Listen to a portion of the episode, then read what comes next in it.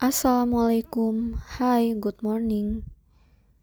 Di edisi Baca Biar Paham ini, seperti yang aku bilang di awal, dimulai dengan buku Psycho-Cybernetics Mutakhir atau judul aslinya The New Psycho-Cybernetics dengan tagline The Original Science of Self-Improvement and Success that has changed the lives of 100 million people yaitu ilmu pengetahuan dari pengembangan diri dan sukses yang telah mengubah hidup lebih dari 100 juta orang. Karya dari Maxwell Maltz yang diterbitkan tahun 2004. Oke, jadi di sini saya punya bukunya ada dua seri. Nah, kemudian yang paling uh, apa ya mungkin yang paling diingat atau yang pembahasan yang paling bagus itu adalah tentang gambaran kepribadian sukses yang ditulis oleh Maxwell Maltz. Nah, gambaran kepribadian sukses ini udah dirumusin dengan akronim gitu. Jadi yang mudah diingat yaitu dengan kata sukses itu sendiri. Nah, jadi ini bisa dijadikan refleksi untuk diri kita untuk mengenal gimana sih uh, seseorang itu memiliki kepribadian yang sukses. Nah, jadi di sini uh, dengan dimulai dari S yang pertama yaitu sense of direction atau kesadaran akan arah. Biasanya kita mungkin ya sebagai manusia itu kadang merasa kehilangan arah atau nggak tahu arah sasaran yang mau dicapai itu yang seperti apa.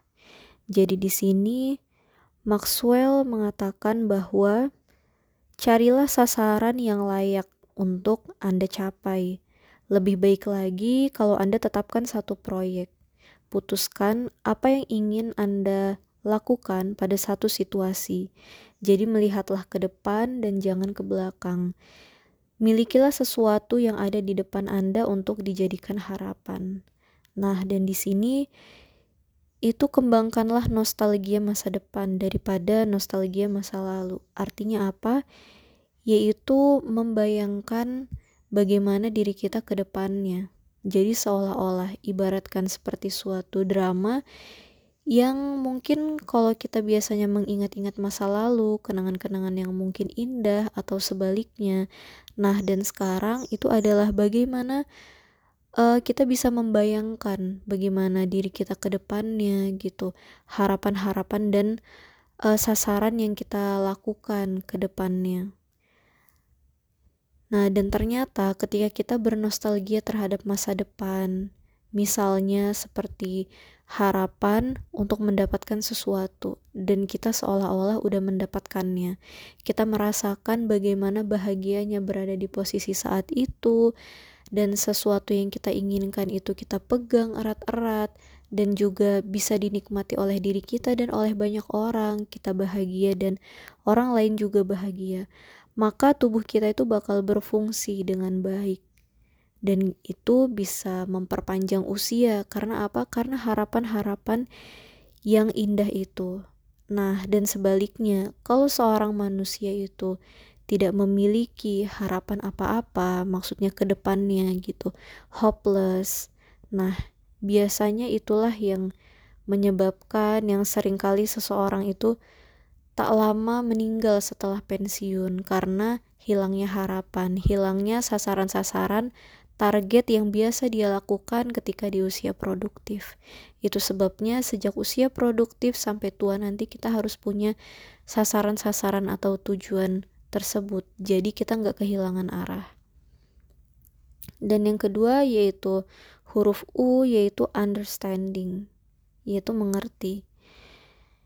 Ya pengertian ini biasanya untuk komunikasi. Seringkali kita miskomunikasi karena ya kurang paham, kurang paham antara kita yang berbicara dengan orang atau orang yang tidak mengerti kita. Nah, ketika saat inilah sebenarnya understanding ini uh, mirip dengan husnuzon atau suuzon ya atau prasangka kita gitu. Nah, dan tentunya ketika kita emang paham sesuatu kita bakal lebih mudah untuk menyelesaikan masalah. Karena kegagalan dalam hubungan sering kali karena salah pengertian, mispersepsi, misunderstanding. Nah, seba uh, sebagaimana yang kita pengenin gitu kan ketika beraksi atau bereaksi itu pengennya dengan tepat gitu dan kita memberikan respon yang tepat kepada orang lain. Nah, jadi ini bisa diawali dengan kita itu memiliki prasangka yang baik gitu. Tidak ada uh, orang yang sengaja berbuat jahat. Mungkin itu pertama karena persepsi kita yang memang kurang baik terhadapnya, mungkin hubungan kita yang awalnya memang kurang baik gitu sehingga bakal menimbulkan lebih banyak lagi mispersepsi, bakal lebih menimbulkan banyak lagi kesalahpahaman.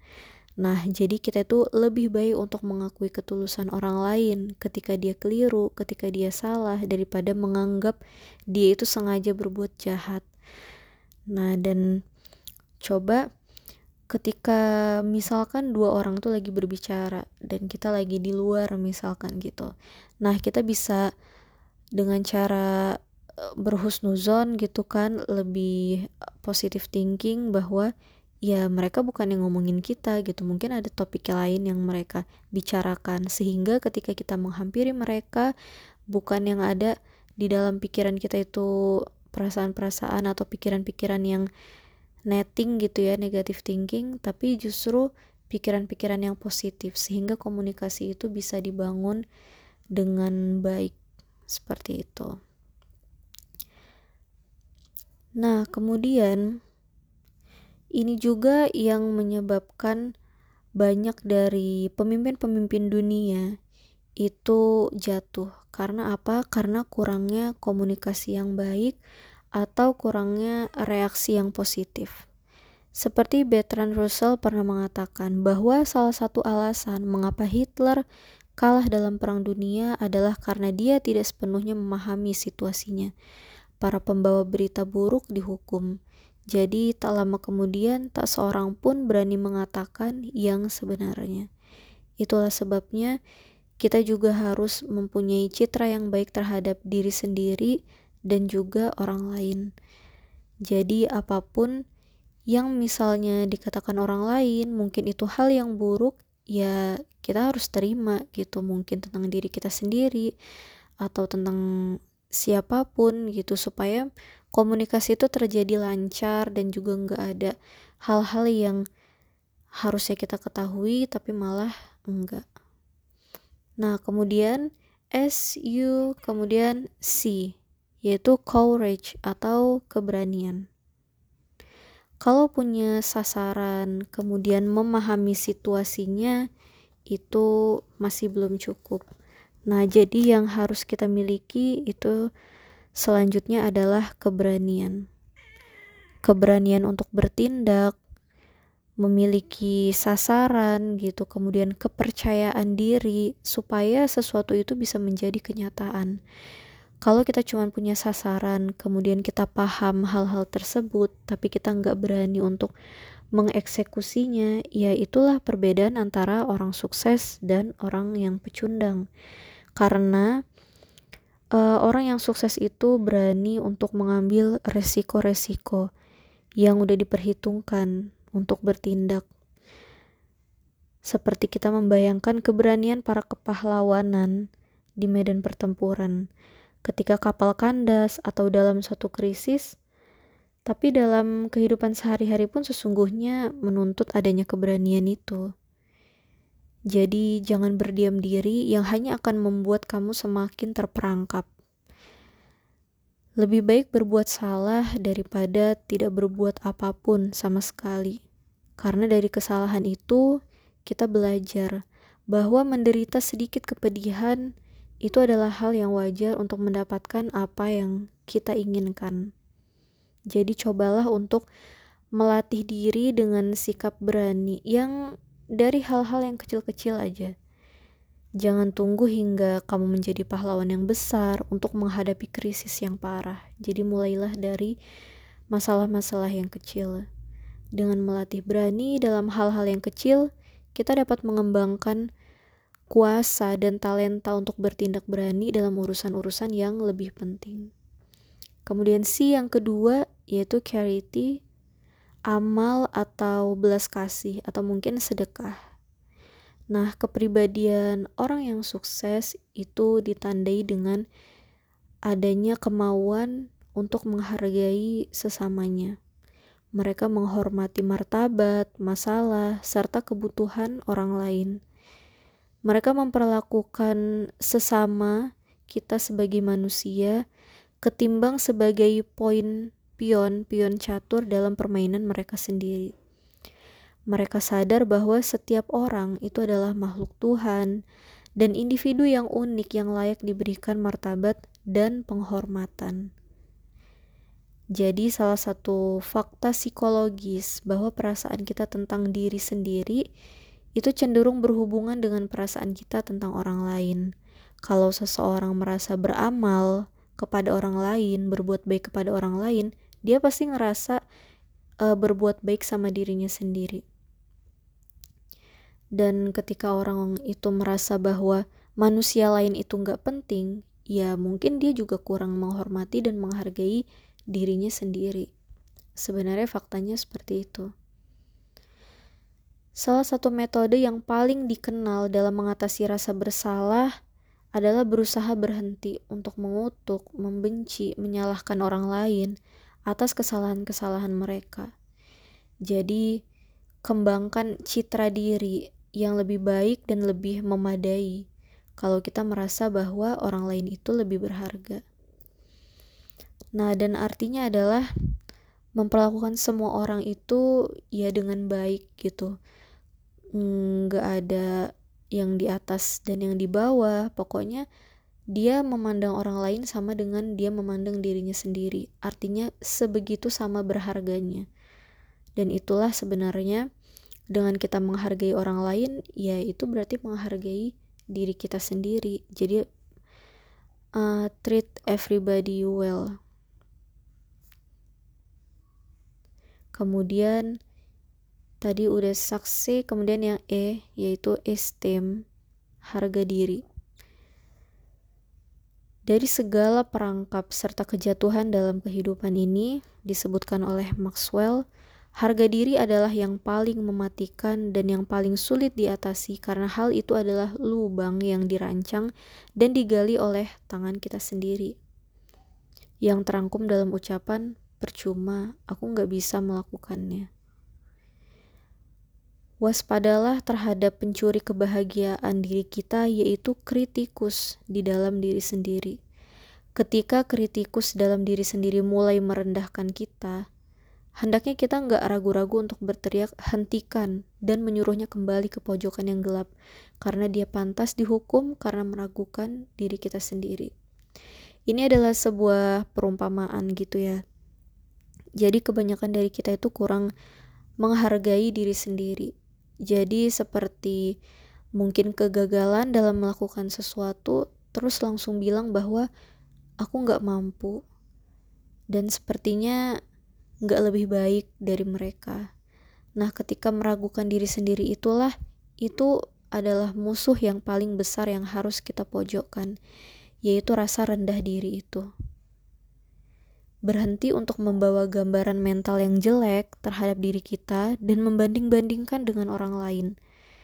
Justru kita harus merayakan kemenangan-kemenangan kecil, meskipun uh, misalkan gini, biasanya jarang bangun pagi gitu kan atau ya pokoknya jarang banget lah gitu bangun selalu telat nah ketika emang kita udah bisa bangun pagi gitu ya kita harus mengapresiasi diri sendiri gitu jadi uh, seperti merayakan kemenangan gitu dengan tersenyum dengan menikmati secangkir teh gitu dengan minuman yang enak atau mungkin makan siang yang lebih enak nantinya gitu itu sebagai salah satu reward gitu terhadap diri sendiri Memang mungkin gak selalu hal-hal yang kecil selalu kita rayakan, tapi minimal adalah bersyukur terhadap diri sendiri karena sudah berusaha untuk lebih baik. Nah, dan maksud dari menghargai diri sendiri ini secara harfiah adalah menghargai nilai diri. Sebagai manusia, uh, mengapa itulah takjub melihat bintang-bintang, bulan, luasnya samudra, indahnya bunga atau matahari terbenam. Tetapi kenapa kita harus merendahkan diri sendiri? Bukannya bulan, langit, bumi, dan bintang berserta diri kita itu sama-sama produk atau karunia ciptaan Tuhan yang maha sempurna. Nah, jadi itulah sebagai makhluk Tuhan yang unik dan sangat berharga, yaitu kita sebagai manusia, itu kita harus memperlakukan diri kita dengan baik gitu dan menghargai diri kita sendiri. Karena harga diri sejatinya itu bukanlah karena hal-hal hebat yang udah kita sendiri perbuat, tetapi karena kita menghargai diri sendiri apa adanya sebagai makhluk ciptaan Allah. Kemudian udah saksi, kemudian S yaitu self confidence, yaitu kepercayaan diri. Kenapa seseorang itu bisa percaya terhadap dirinya sendiri? Biasanya dibangun atas pengalaman sukses. Jadi ketika ya kita sendiri mungkin kamu juga pernah merasakan ini bahwa ketika kita berhasil melakukan sesuatu itu pasti ada perasaan puas dan ada perasaan yakin sama diri sendiri kalau ya saya udah pernah melakukannya dan saya sudah bisa. Nah, itulah yang membuat seseorang menjadi percaya diri. Ketika kita pertama kali memulai sesuatu hal yang baru, itu pasti kan jarang banget untuk ngerasa percaya diri. Pasti ada rasa inferior gitu ada rasa kayak ah bisa nggak ya ngelakuin ini? Kayak gitu. Bisa jadi karena dari ya belum belajar pengalaman yang kurang gitu.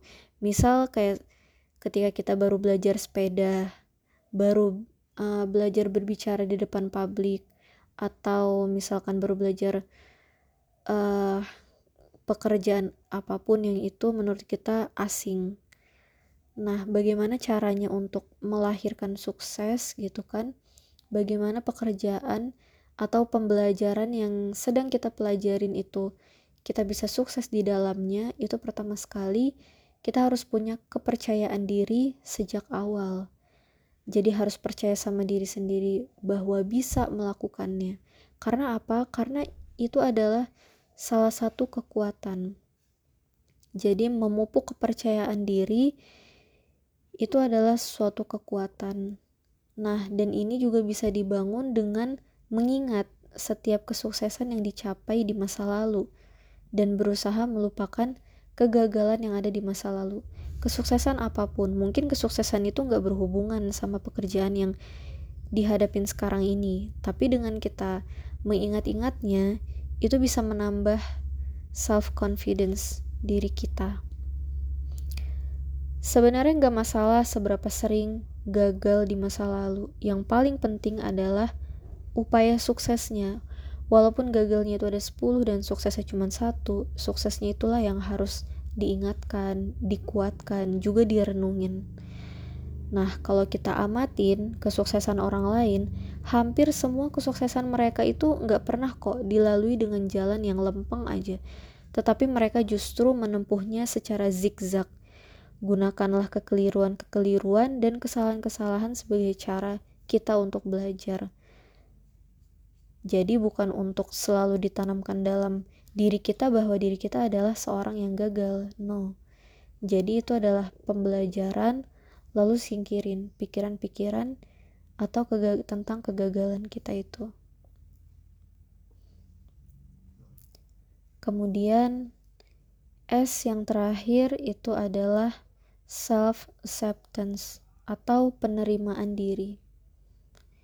Seringkali ya mungkin kita bisa menerima kekurangan orang lain, tapi mungkin tidak sebegitu mudahnya dengan menerima kekurangan diri sendiri. Segala kesalahan, kelemahan, kekurangan, kekeliruan itu harus kita akui Begitu juga dengan kekuatan-kekuatan kita. Kenapa? Karena dengan menyadari kesalahan-kesalahan dan kekurangan kita, ya kita bisa belajar untuk mengoreksinya. Berbeda dengan ketika kita nggak tahu kesalahan kita apa, kekurangan kita apa, kita harus memperbaiki apa, karena nggak ada apa pun yang kita sadari. Jadi harus menerima itu sepaket, bukan cuman uh, kelebihan-kelebihan diri kita, tapi juga kekeliruan. Orang yang sebenarnya paling nelangsa serta tersiksa di dunia ini adalah mereka yang terus berupaya meyakinkan diri sendiri ataupun orang lain bahwa mereka ya best of the best gitu, beda dari apa yang sesungguhnya dalam diri sendiri. Jadi kebanyakan berpura-pura. Jadi sebenarnya berpura-pura, flexing gitu kan, itu sebenarnya nggak ada kelegaan atau kepuasan dalam diri sendiri karena berusaha menjadi diri orang lain. Terlihat hebat, terlihat mempunyai segalanya, terlihat tangguh. Itu hanyalah berusaha mempertahankan kepura-puraan yang padahal itu mengakibatkan tekanan mental yang hebat. Nah, dan juga ini bakal terus-menerus menuntun pada kekecewaan dan frustasi. Misalnya pada saat seseorang itu oplas atau operasi operasi plastik wajahnya itu adalah mungkin perubahan yang fiktif artinya yang gak sesuai dengan dirinya awalnya mungkin dia pengen mengoreksi wajahnya supaya terlihat lebih menarik, lebih cantik, lebih tampan, lebih rupawan gitu ya. Tapi ternyata itu tergantung dari dalam diri kita sendiri.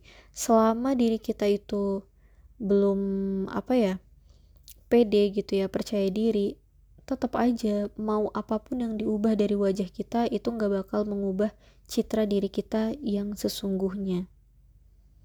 Sifat dasar ya tetap begitu. Jadi belajarlah untuk menerima diri sendiri apa adanya, memulai dari sana.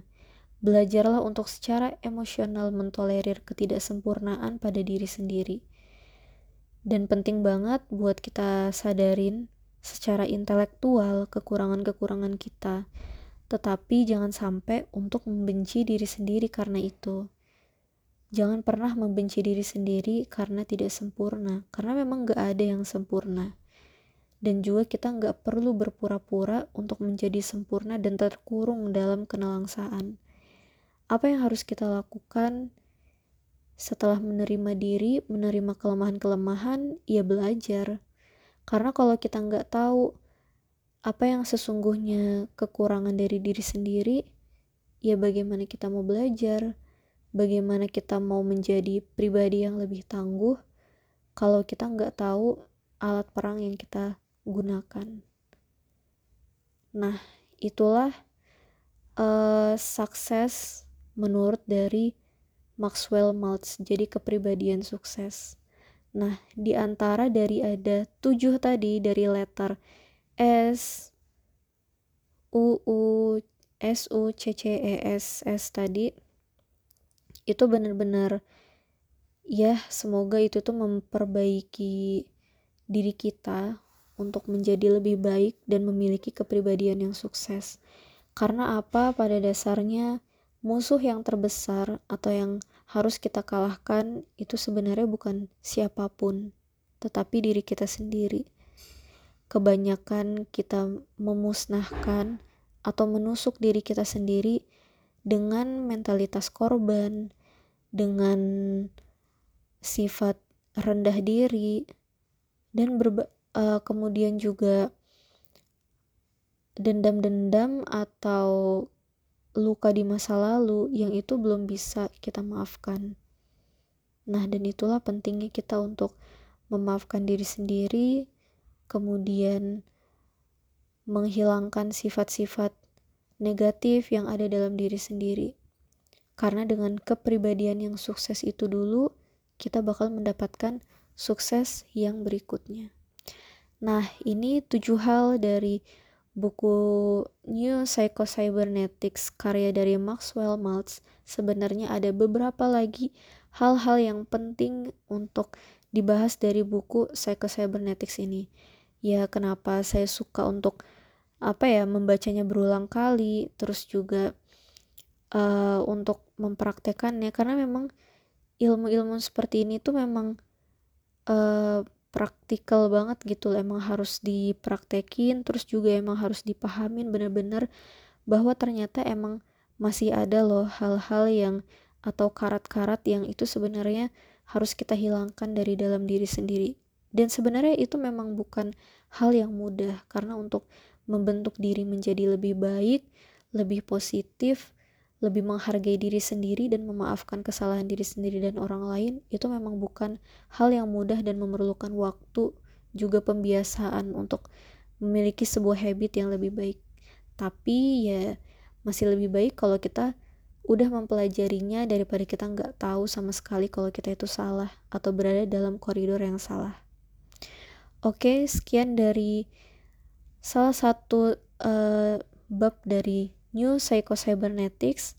Kita ketemu di episode selanjutnya. Wassalamualaikum warahmatullahi wabarakatuh.